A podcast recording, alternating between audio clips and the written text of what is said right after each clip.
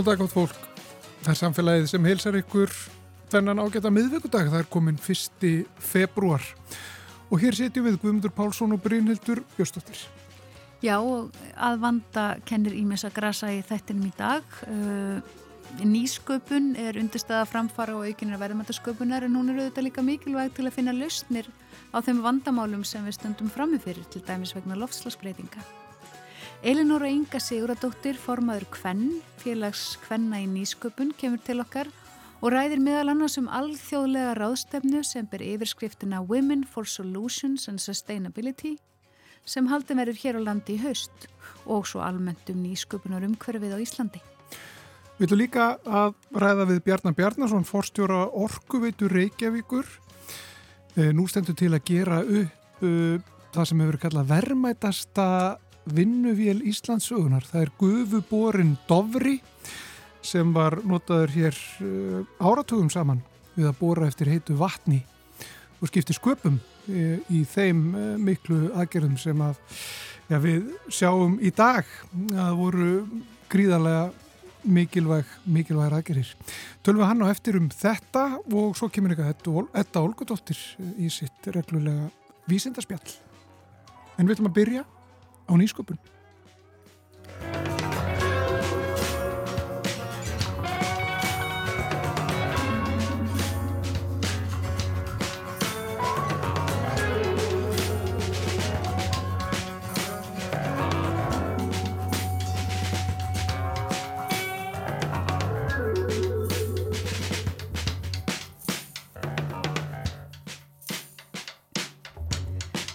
Já, nýsköpun er undirstaða ímislegs í okkar samfélagi, framfara og verðmættasköpunar og líka lausna á vandamálum, þeim vandamálum sem að okkur stefja. Um, Elinor Inga Siguradóttir er formaður kvenn, félags, félags kvenna í nýsköpun en hún er líka, uh, hefur, er líka uppfinningamadur, uh, hjúgrunafræðingur og jærfræðingur og bara ímistlegt. Verður velkomin Elinora. Þakkaði fyrir að bjóða mér. Já, hérna kannski áður um við ræðum um, um þessa ráðstöfnu sem að vera haldinn hér í haust. þá langar mér bara svolítið að forvitnast um hvernig rataðir þú inn í þetta nýsköpunar umhverfi með hvað hjókunarfræðimentun og, og, og síðan jærfræðimentun, hvað koma undan og hvernig bara, hvernig gerist þetta alls saman? Já, ég byrjaði í jærfræðinni og hérna og fann mig ekki alveg í því það hérna, átt erfitt með að fá vinnu við það og svo leis og þannig að ég hugsaði kannski smelli mig bara í hjúkn en ég fæ öruglega vinnu þar. Já, þannig að þannig ægslæðist það. En með hugmyndina hérna vinnuna þá byggum við í hjónin út í Svíþjóð og fengum sendan harfisk til okkar. Og nákvæmna hundurinn hann hérna elskaði róði sem við gáttum gefa honum Þannig að ég fór að hugsa hvað er verið að gera við allt róði sem að felli til á Íslandi að því við vorum að flytja út frósin fisk mm. og því var bara hend. Og þegar við flyttum heima þá fór ég að gera tilrunni bara að spurja hvað er verið að, hérna, er hægt að fá róð og gerði tilrunni heima hjá mér í, út á snúru og örbulgjófnunum og bakarofnunum og svona hýmsat virkað fyrir. Já. Og svo sá ég auðlist námskeið ertu með hugmynd og langar að gera eitthvað við hann og það var hjá landsambandi hugðismanna og ég fór á það námskeið og kynntist þar var svo bara heppin. Þetta var svona ég hitti þannig að fólk bara sem var eins og ég að því að ég var alltaf að fá alls konar hugmyndir en gerði svo ekkert við þar og þannig að kynntist ég sem sagt manni sem var með tengsli í fiskvinnsluna og þetta eitt leit á öðru. Og ég hérna geng til liðs við félagið endaði sem formaður þar 1998 um leið og ég er að, að hérna framkama hugmyndina mín og komin á markað.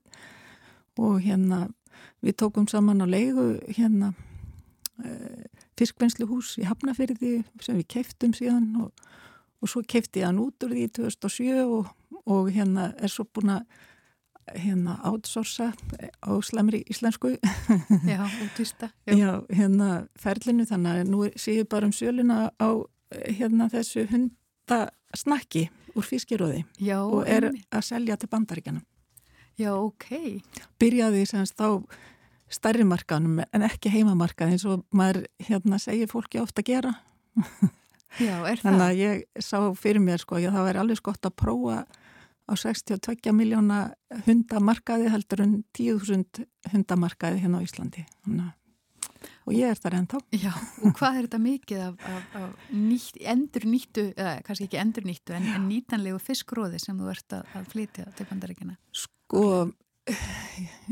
ég, það er nokkur tonn sko. En hérna ég hef ekki fengið neitt styrk í þetta verkefni þannig að ég, þetta hefur bara mallað mm. á sínum hraða og auðvitað gæti maður hérna kannski spýtt í lóana og, og reynda að sækja sér fjármagn en ég fekk neitin úr sínum tíma og ég, ég þrjósk og hérna með þólimaðið þannig að ég læti þetta malla bara. Já, og þú er þetta er ennþá í gangi bara síðan hann að 96. Já. Og er þetta að fá þetta hundamat hérna í Íslandi eða? Nei, Nei. ég sendi þetta allt bara Já. út en það, eftir að ég fór að tala um þetta þá er komið fullt að eftirhermum sko. Já, já. Hér á landi sem að er að nýta róðið þannig að núna er samkeppni um ráefnið. Já, en hvernig hefur svona, hvernig eh, var, bæði var að stíga inn í þetta nýsköpunum umhverju og hvernig hefur þau svona, þú vendarlega hefur þá fylgst mjög vel með Já. þróun? Sko sem betur fyrir þá er þetta allt hérna í rétt átt það sko uppfinningamenn eða hugvitsmenn þetta voru aðalega menn í félaginu á sín tíma. Og við vorum ekki náma sex konur hann að fyrst er í byrjaði. En svo með tímanum að þá hérna sá ég að ég þyrta að stopna sér félag hann og gerði það 2007 því það var konurna sáðu ég er ekki minn eina uppfinningu ég er ekki hérna uppfinningakona eða eitthvað þetta er bara, þú veist. Það voru svona voru ekki alveg samfærar um að þetta væri eitthvað nýtt sem það voru að gera. Og ég var komin strax í alþjóðlegu tengsl og mhm. sérstaklega norrann tengsl. Og, og hérna þar var hérna komið fyrirmynd af því að sænsku konuna þær eru búin að stopna hérna sér félag hvenna í nýsköpun og voru búin að fara til Kína á síningu mm og hérna ég hef alltaf verið í miklu alþjóðlegu samstarfi og, og við höfum verið að tilnefna konur í nýsköpun alveg 20 ár komið mm. síðan 2003 og það verður einmitt sko í haust ráðstefna hvenna í, í nýsköpun. Það, og það sem við erum að veita viðkenningar til hvenna því að það skiptir svo miklu máli að fá aðeins klappa bakið og kvartningu og lifta þeirra aðeins upp. Nú ert, þú ert að gera eitthvað sem að ég tek eftir eða við tökum eftir og, og hérna og okkur langar til þess að gera því sínilegri og til þess að skapa fyrirmyndir fyrir komandi kynslaðir.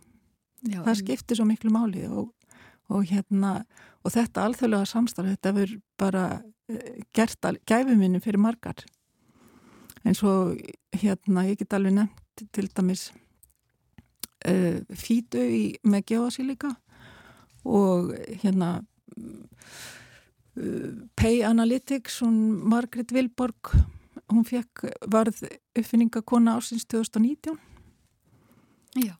Þannig að hérna þetta er gefur konum held ég klappa bakið og, og svona liftir þeim aðeins upp. Mm -hmm.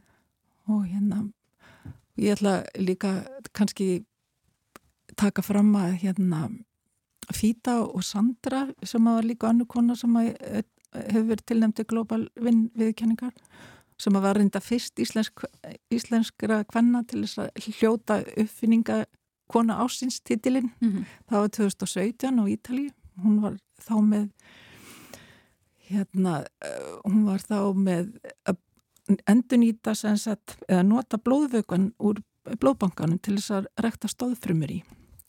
En hún er reyndar hægt í því fyrirtæki núna og er að vinna hjá Háskóla Íslands að þær byrjuðu með hraðal fyrir konur sem er akkurat í gangi núna með bandariska sendiráðinu sem heitir A2FE og það er einmitt verið að auðvisa eftir konum til þess að taka þátt núna. Þannig að, ég vil fetja konur sem eru hann úti að, að ef þær eru með eitthvað hugmyndi eða langa til að gera eitthvað nýtt að hérna skrásið þetta námskið það er tap aldrei á því. Mm -hmm. En hvað, svona, hvað þarf að hafa til? Ég meina, hversu unnin eða, eða þrói þarf hugmynd að vera til að, til að hægt sé að segja, kynnana fyrir einhverjum eða, eða svona? Sko það er nefnilega fyrir eftir hérna hugmyndinni. Stundum þá þarf maður að vera svolítið varkár, sérstaklega ef að þú hérna, það oft borgar sig að byrja bara að googla hvað er til í heiminum. Er ég að gera eitthvað algjörlega nýtt eða, eða ekki? Ef þú ert með eitthvað svona brilljant hugmynd sem að ætti kannski að fara í svona engalega ferli eitthvað, að þá hérna myndi ég bara vera svolítið spör á að tala um hana af því að um leið og þú ert farin að ofinbera og gerir hérna ferdi viðtali að það tala nú ekki um sjónvarsviðtal og ert með kannski frumgerð af hugmyndinni og svo reynist hún engalega hefur, þá ertu búin að eðalegja fyrir þér, þá getur ekki fengið engalegi á hugmyndinni sem þú er búin að sína og þetta þarf fólk að hafa svolítið í huga, kynna sér þessi málefni vel hjá hugverka stofunni til dæmis. Já, þannig að þá getur einhver annar bara farið að í samkeppni eða ára yfir hraðakeppni við þig að þróa, þróa listnir. Já, það er svona íms, hérna, að ímsu að huga. Mm. Ég var nú að gefa út bóki fyrra sem heitir Hugmyndabókin sem að fer, þetta er svona vinnubók það sem að er farið með þér í helstu spurningar til þess að þú getur flóið á stað. Það, þetta er svona hvað þarf að hafa í huga. Já, einmitt. Og, og hvað er það sem það þarf að hafa í huga? Eins og til dæmis þetta. Hvað áttu að hérna sækja um engaleifi eða hérna eitthvað skona vend. Það, hérna og hvað, hvernig er hugmyndið þar getur gert þetta allt sjálf eða þarf þetta að kaupa þér hérna uh, ráefni framleiðslu hvert verður sölu verðmæti vörunar með að við framleiðslu verð þú veist, borgar þetta sig? Það er svona ímislegt sem maður þarf bara mm. setja niður fyrir sig og maður kannski fer á stað En nú í þi, þi, það sem að þín í skupun sem er þá sagt, þessi hundamatur eða, mm -hmm. eða fiskróðið ja. sem að hérna er þá væntalega svona þitt aðal mm -hmm. þinn aðalframlegslega það er einmitt hérna já, endur nýting og svo -hmm. framvegis er, maður ímynda sér að það sé kannski svolítið svona það sem Segja, það sem koma skal í rauninni í nýsköpun. Mm -hmm. það, er, það er endurnýting og, mm -hmm. og nýting af sem tilfellir Já, það er það, við þurfum að fara að hugsa þetta allt upp og nýtt sko, við getum ekki endalust verið að henda. Til dæmis við, í gær var umfjöldinum hérna hvað við hendum ekki af, af, á haugana. Já, Þurfum við ekki bara að fara aðeins að endur sko hvað getum við nýtt aftur eða, eða breytt nótkunn þannig að það mætti alveg hafa hugmynda samkeppnu um öskuheguna til dæmis. Já, ummitt og nýtinga og svona því sem þar, þar er að finna. Já. En hérna, já, þú sagðir áðan að, að konur, það væri sagt hagstætt fyrir konur að taka sér saman vegna þess að, að er til dæmis fá færi styrki. Já, það er, virðast verið að sækja um kannski minnu upphæðir og eru kannski tregari til En staðrindin bara sínir að þær eru líka að fá eh, innan við 5% af öllu fjármagnir sem er til dæmis í Evrópu. Og það er eiginlega sömu tölur hérna heima. Þannig sem er svolítið skrítið og, og eins með skráning á hugverkarétti það er innan við 5% sem að konur skrá hugverkin sín. Þannig að veist, þær þurfa að fara í endurhæfingu. Já, en akkur heldur það sé? Er þetta einhver, einhver hóvarð eða lítilæti eða, eða hvað var að segja? Ég sé að sé bara kortleika og, og þetta, sko, ég hef síðan, eh, ég hef fyrir 20 árum, þá hef ég verið að lifta sagt, konum upp og reyna að gera það sínilegri lagt, lagt mitt að mörgum að gera það sínilegri í nýsköpun. Og það er, eh, sko, umhverju hefur breyst alveg gífilega eh, til, til eins betra. En það má, sko, gera enn betur að lifta konum upp og hafa það í huga. Er, er það kona sem er að sækja núna um styrk? Þarf ég ekki að leggja mitt að mörgum og, og hérna gera eitthvað? Og ég veit að það eru konur hérna úti sem eru líka að gera bara í því að reyna að hérna styrkja konu fjáraslega til þess að íta þeim áfram. Og það er bara gott. Já, vegna þess að það þarf náttúrulega í lang flestum tilfellum í myndaði mér þarf alveg tölvert fjármang til að, til að íta Já. úr vör Já. heilu fyrirtæki. Já og fólk heldur ofta að hérna sko náttúrulega hugmyndi mín er langt best og auðvelt út á markað, þú veist, ég hugsa það líka, en mm. þetta tekur alltaf rosalega tíma að, að hérna, festa sér í sessi á markað, þannig að það verði sko springi út og það kostar líka pening. Einmitt, markasetningu að næði þundur. Það er bara, fólk heldur alltaf að það gangi auðveldar að komast út á markaðin heldur en reyndin er í rauninni. Já, þannig að þetta er alveg, þannig að þetta er ekki þannig að þú fóður hugmynd og svo sjáur einhvers konar afrækstur af henni bara árið eða tveimur síðar. Það er helst hjá hérna tölvudringjónum. Eða maður hefur séð það. Þeir eru að hérna selja kannski fyrir miljardar og hérna, en það er náttúrulega drauma eh, kannski staðan hjá öllum að, að hérna geta selt hérna góða hugmynd á góðu verði. Já, einmitt. En. Hérna, þú eins og hefur verið að segja þá, þá þróaður þú þína hugmynd og ert ennþá með fyrirtæki í gangi en mm -hmm. er einhverjar aðra hugmyndir sem þú hefur náða veru eða eru í, já þú kannski ekki tala um það sem er í farvatninu Nei, en... það er í farvatninu hérna, ég var nefnilega að vinna í Múlabæ með öldruðum og mér langar að fara fram hérna í samvinnu við Múlabæ um þjónustu fyrir alltaf það er í vinslu Já, ég ætla ekki að fara nánar út í það. Nei, en, en þessi ráðstafna verður hér í haust um, og, og, uh, og verður haldin í hörpunni, eða ekki? Þetta verður alveg stór ráðstafna og, og fjölmenn. Já, vonandi. Þetta, þetta er, skiptir allt máli, þú veist að, að hérna markasetning og að láta spyrjast út en það er mikill áhig ellendis frá þannig að ég er að vonast til þess að við verðum allavega ekki færi en 150 síðast þegar við vorum með þetta þá var þetta 2011 þá kom tæblega 150 manns og það var frá 11 löndum. Þannig að það tóst, það er ennþá að tala um hvað hefur verið frábært hérna á Íslandi.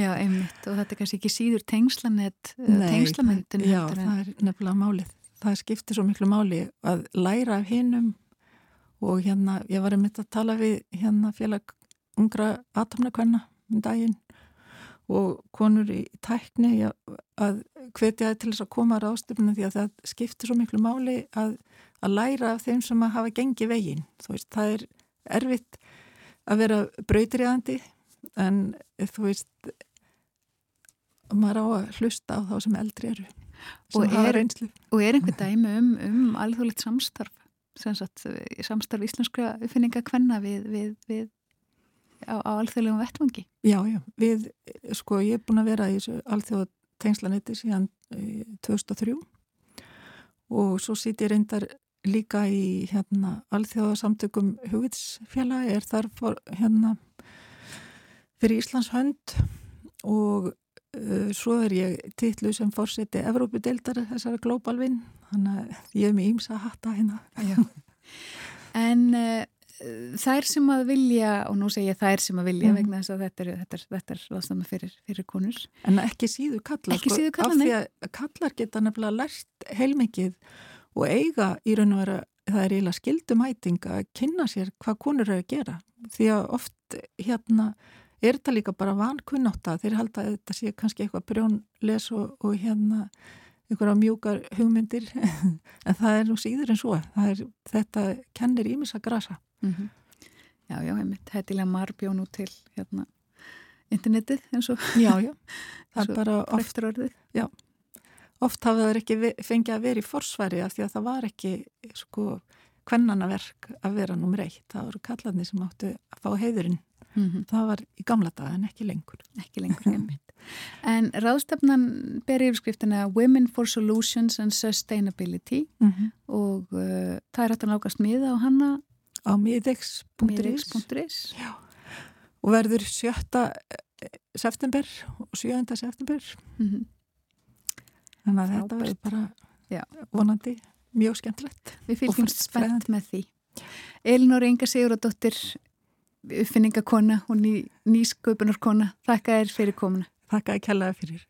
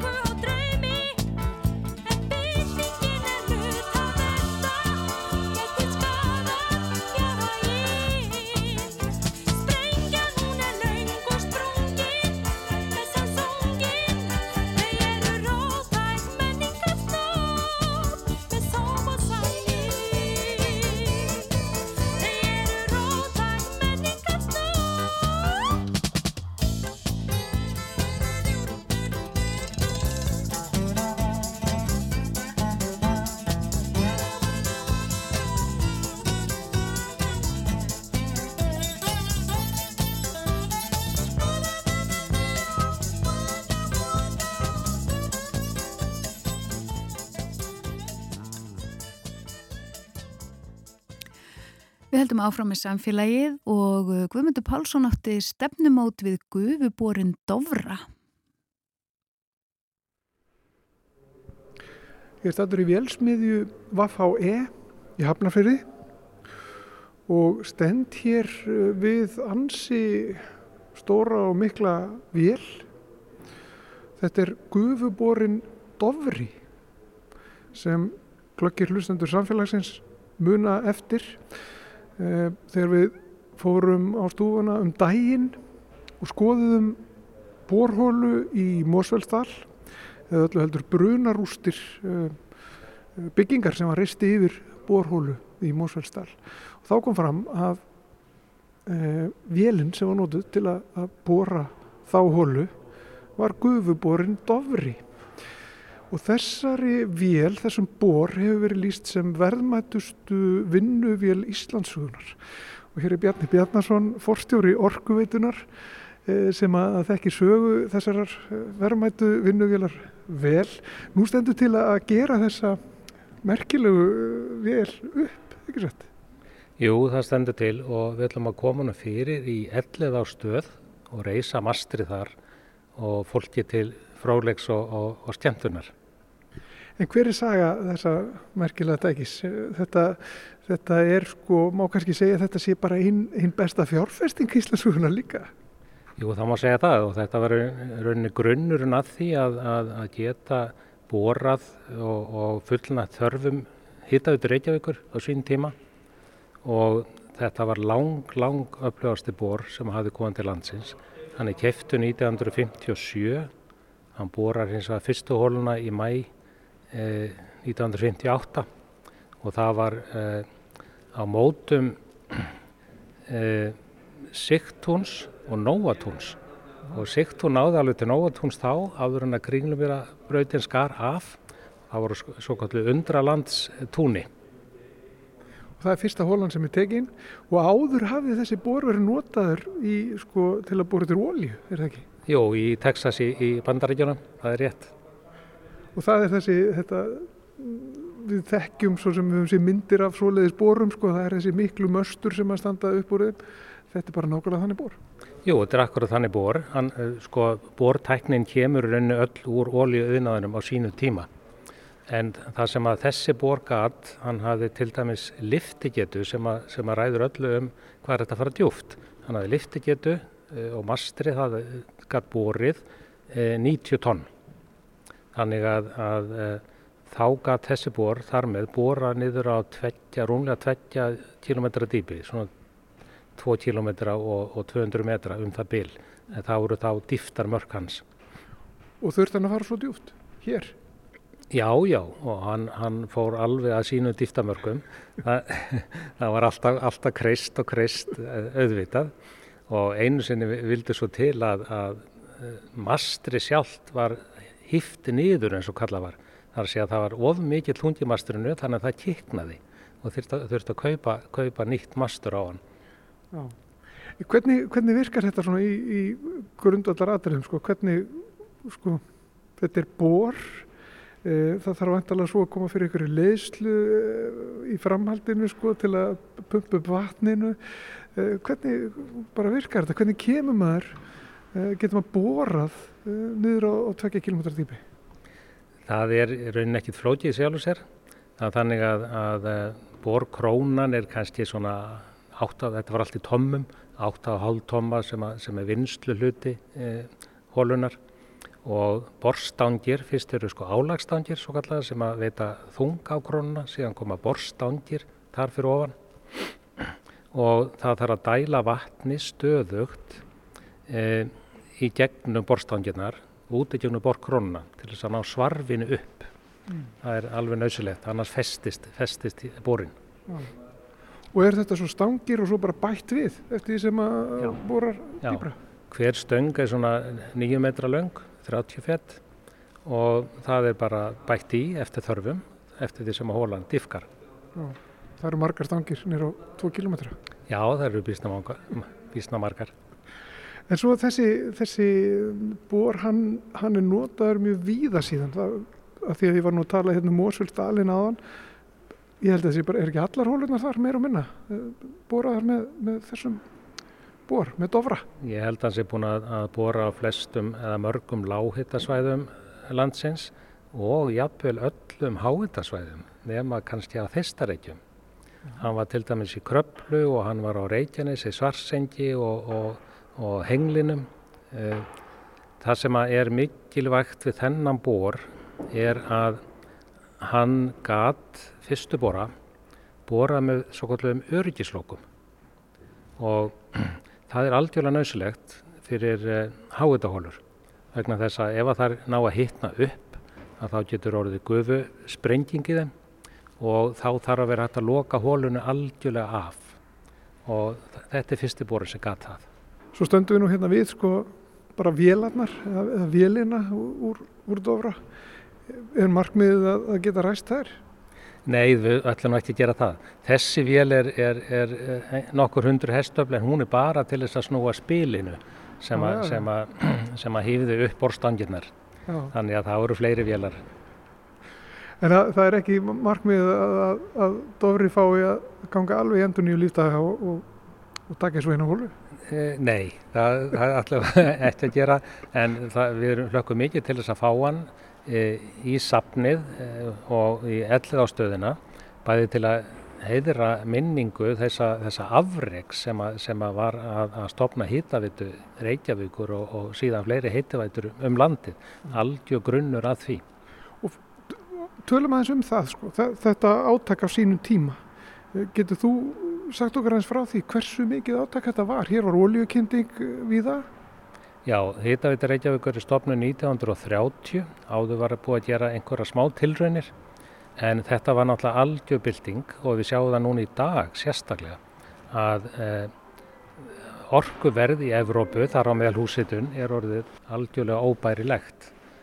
Eh, á meðan að við erum hér getum uh, án nokkus eða mjög, eða með mjög litlum tilkostnaði hitað húsn okkar, haldið um 23 stiga heitum allt áriðin kring og jafnvel í bílskutnum mm -hmm.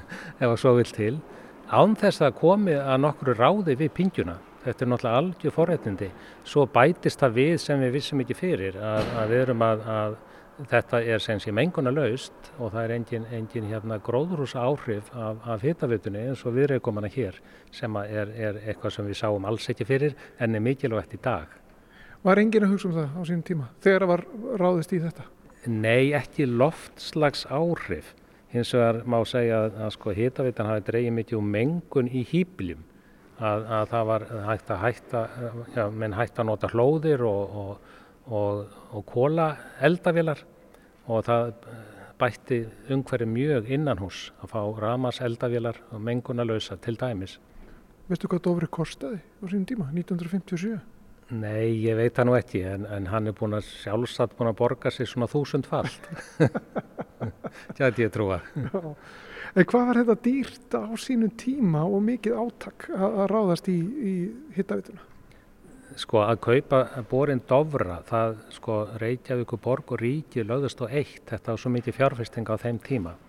Og, og eins og ég segi langdýrast og stærsta bortæki sem hinga hafi komið, en það var algjör forsenda fyrir hittavituna. En, en það að ráðast í bara hittavituna og hittavitu væða bara öll hús á Íslandi nánast, semst það er ennú ekki heitt vatn, þannig að það er ekki alveg alveg hægt allstaðar en, en hversu mikið átak var það? Það var náttúrulega mikið átak og stóð til mjög, mjög margra ára.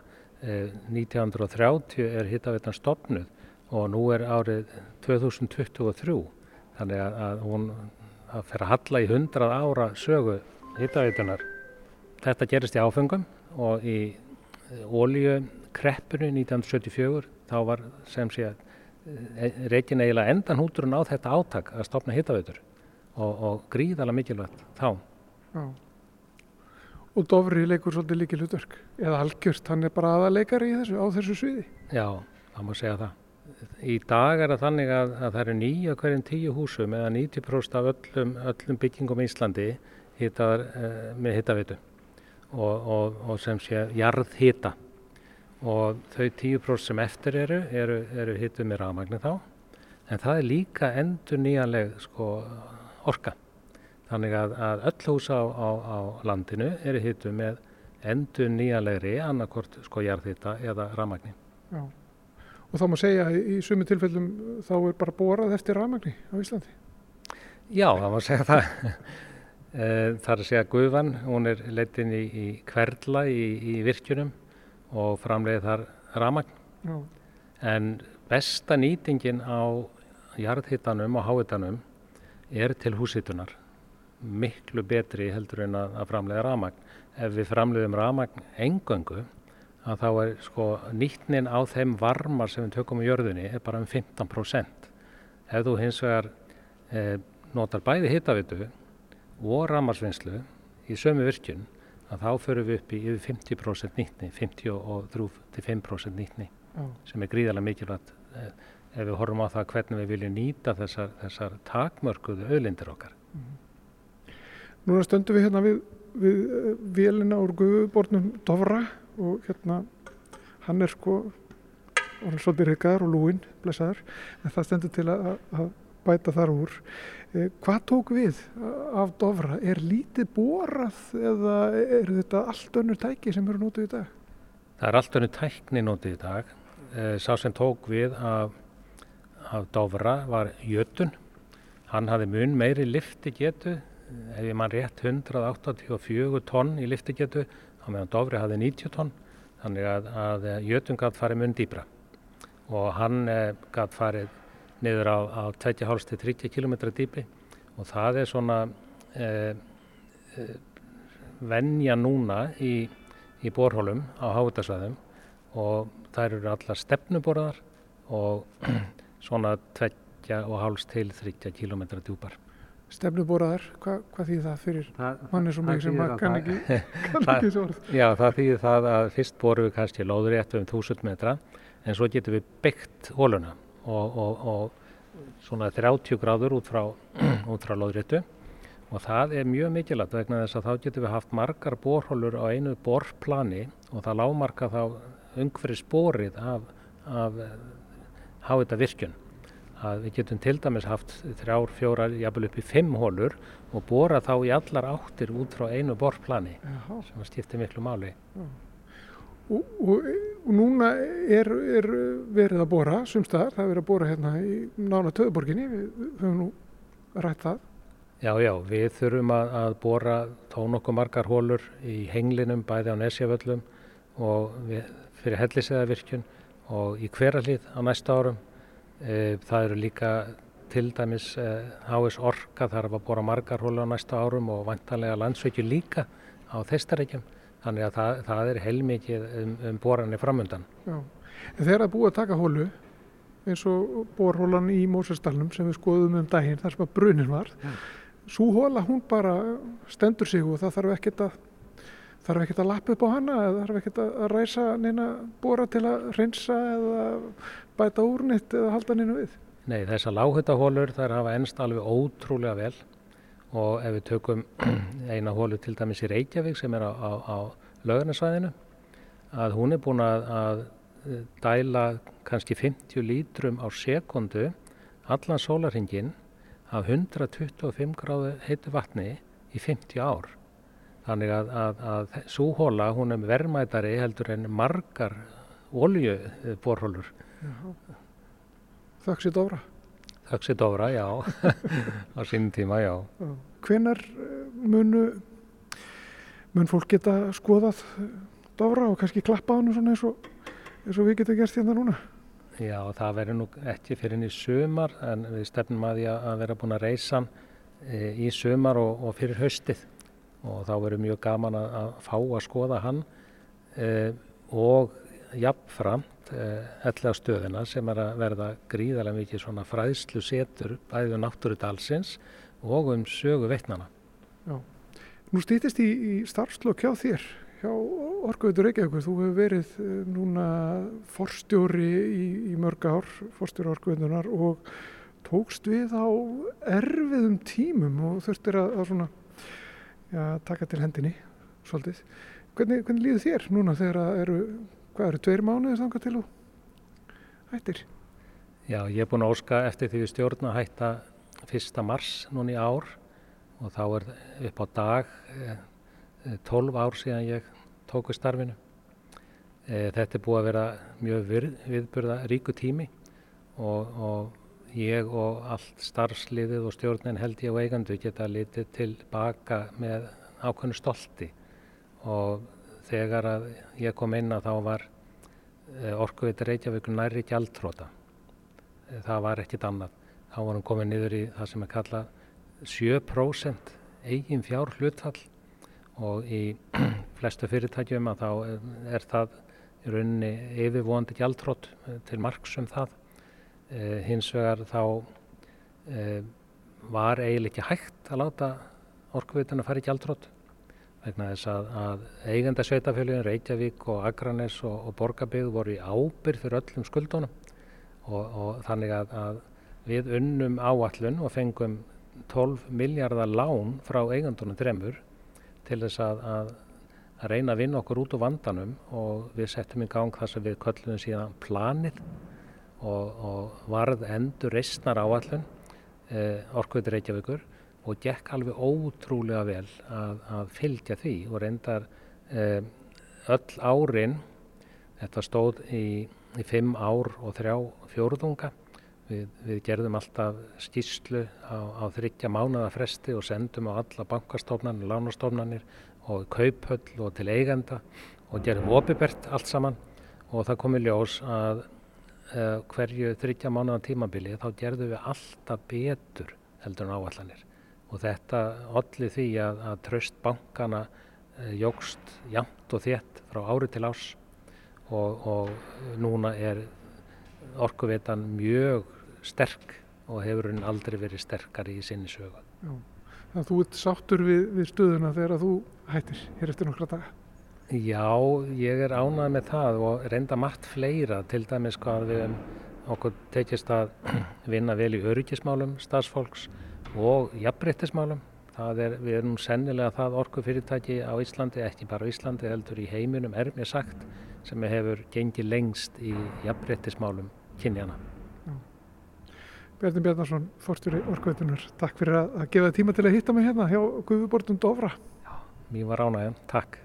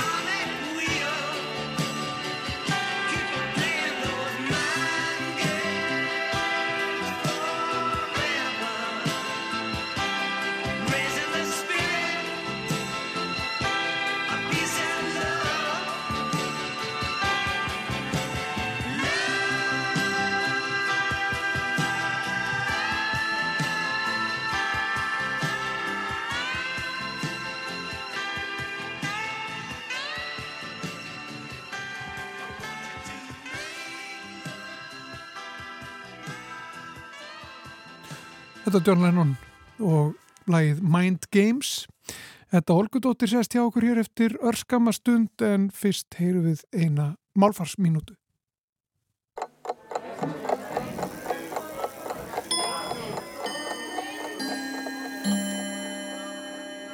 Orðið orðskrýpi finnst mér vera óttalegt orðskrýpi. Vinsældir þessir og óumdeildar, það er oft notað með, með uppröpunumerki í aðtöðasendum við fréttir í vefmiðlum og fæslur og samfélagsmiðlum. Engum þegar nýtt orð eða hugtak er borið á borð. Og hvað er svo þetta orð, orðskrýpi? Jú, þetta er samsett orð myndað úr korikins nafnorðunum orð og skrýpi. Eitt og sér hefur orðið skrýpi ímsar merkingar. Nánartiltekið fjórar mismunandi merkingar. Í fyrsta lagi merkir það ófreskja eða afskræmi, í öðru lagi skopleg persóna eða fíbl, í þriðja lagi flenna, gála eða ærslafullur kvennmaður. Fjórðamerkingin er mert úrelt, það er kynja sín eða sjónkverfing. Loks er það notað í samsetningum og hefur þá ymsarmerkingar eftir því hver fyrirliðurinn er og gæld skrýpi merkir til dæmis kýr eða ær sem mjölkar ekki.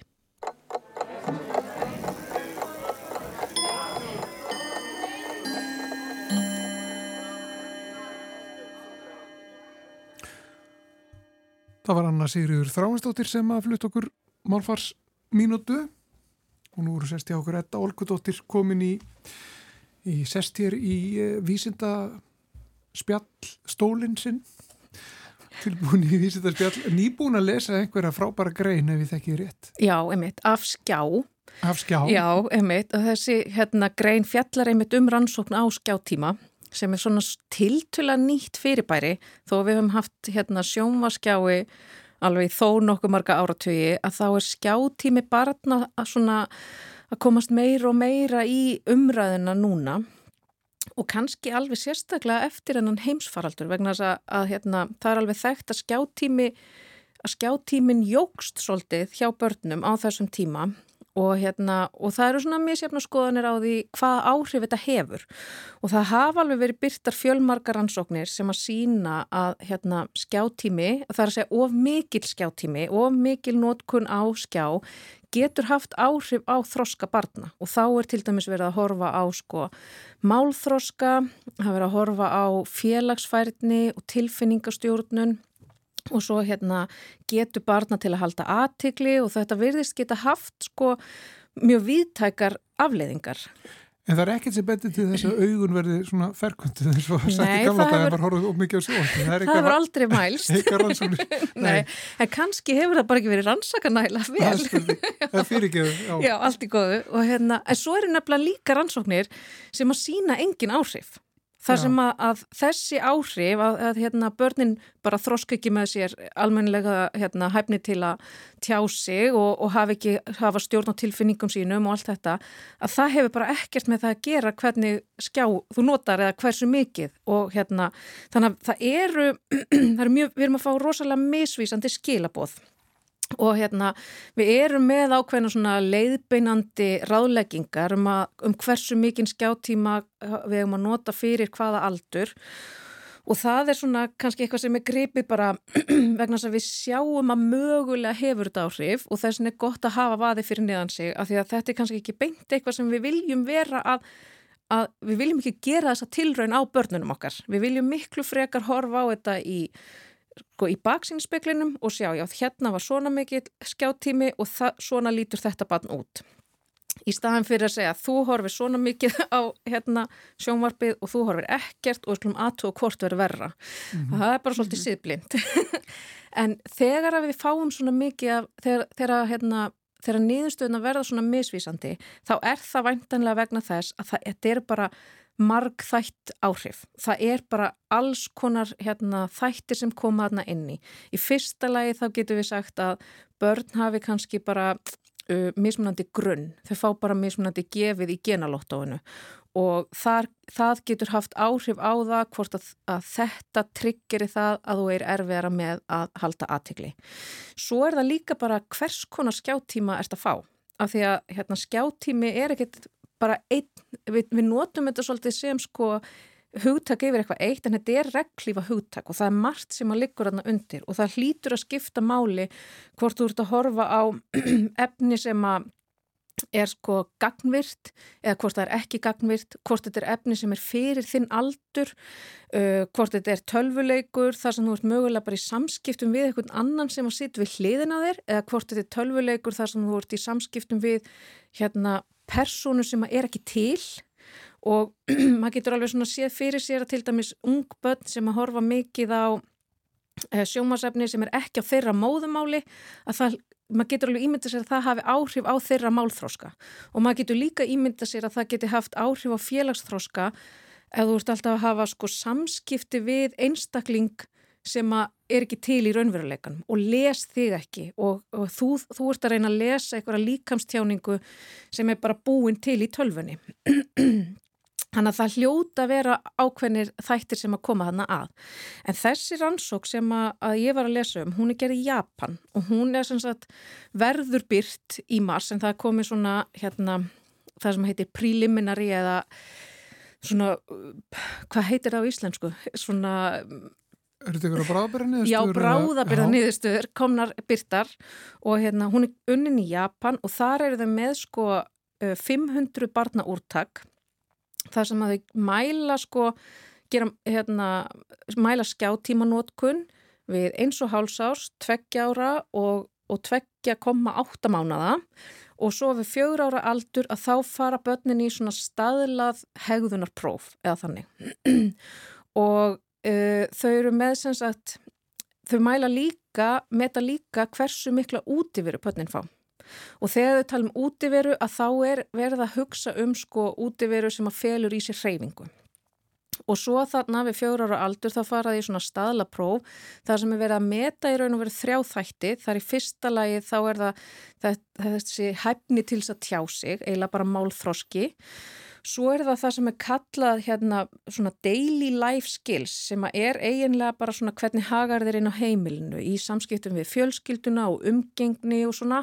Og svo þriðja lagi þá er það þessi félagsfærni, hvernig gengur þeir að leika við aðra önnur börn, hvernig, hérna, hvernig fara þau samskipti fram? Og það sem að þau sjá er að það virðist vera ákveð neikvæð fylgni á milli þess að fá meira en ráðlaðan skjáttíma og þannig eru þau sko, þau meta bara uh, eru þau að fá undir ráðlaðum skjáttíma eða yfir? Og það er ekki neins, neitt stigull, heldur bara já eða nei. Þannig að ef að hérna, börnin er að fá sko 1 klukkutíma og 15 mínútur þá er það of mikið. Ef þau eru að fá hérna, fjóra klukkutíma þá er það líka of mikið. Þannig að það er ekki, við sjáum ekki hvort að áhrifin eru þarna hvort það sé þarna einhver stígull en það, það, það að fá of mikinn skjáttíma verðist hafa neikvæð áhrif á hérna málfráska eða, eða hérna hæfnið þeirra til þess að tjá sig og líka á þessar daily living skills eða það hvernig þú hagar þér svona inn á heimilinu. En þau séu ekki marktæk áhrif á hérna félagsfærni Hins vegar sjá þau að þegar að börnin eru reyfa sig yfir meðalagi og þannig er þetta líka bara af eða á. Annarkort reyfur þig hérna 30 mínútur á dag í minna en 6 daga í viku eða yfir, yfir 6 daga á viku. Þannig að er, þetta er svona alveg sami hérna, viðmiðun, sama viðmiðun þannig að það er bara já eða nei. Og það hefur rosalega jákvæð áhrif á félagsfærni. Þannig að ef að börn reyfa sig mikið að þá hefur það jákvæð áhrif á, á félagsfærni og verðist einhvern veginn svona vega upp á móti neikvæðu áhrifunum sem að skjáttíminn gæti mögulega haft. Þannig að, að, þannig að það, þú veist, maður svona, maður les náttúrulega stundum svolítið það sem maður vill heyra sko. Þannig að ég hugsa við ættum að taka út úr þessu að fyrir hvern hérna hálftíma sem er eitt í skjáttíma þá ættum við bara að fara líka út að leika að það sé til þess að vega upp á móti þeim mögulega neikvæða áhrifum sem að þarna getu hafa orðið Já. Þegar ég vil lítil þá fór ég alltaf með bækur út í gard heldur það það? Já, það hefur örgulega svona jákvæðari áhrif en skjáttími en svo er þetta líka þannig að hérna, lífið er ekki svartkvít og, og hérna, það vita það náttúrulega bara allir sem að eiga börn það er, hérna, reglurnar verða stundum að geta, maður verður stundum að geta sveiktar aðeins. Það er til dæmis alveg ofbúslega erfitt að halda sig við einn klukkutíma af skjáttíma þegar maður er í fimm klukkustundalöngu flugi. Þá er ekkit, hérna, það er opbúslega erfitt að koma með nýjan og nýjan leik og svo stundum hérna stundum er þetta náttúrulega eitthvað sem maður kannski þarf bara að taka til sín eitthvað, já, ég, hérna, ég nenn ekki að gera eitthvað en ég ætti samt að gera það vegna þess að, að nú er skjáttíminn búinn. En, en hérna, þetta svona kannski minnir okkur á að mögulega ættu við að halda okkur við þessar hérna, leiðbynandi ráðleggingar um skjáttíma og kannski svona reyna að draga úr honum eins og við getum.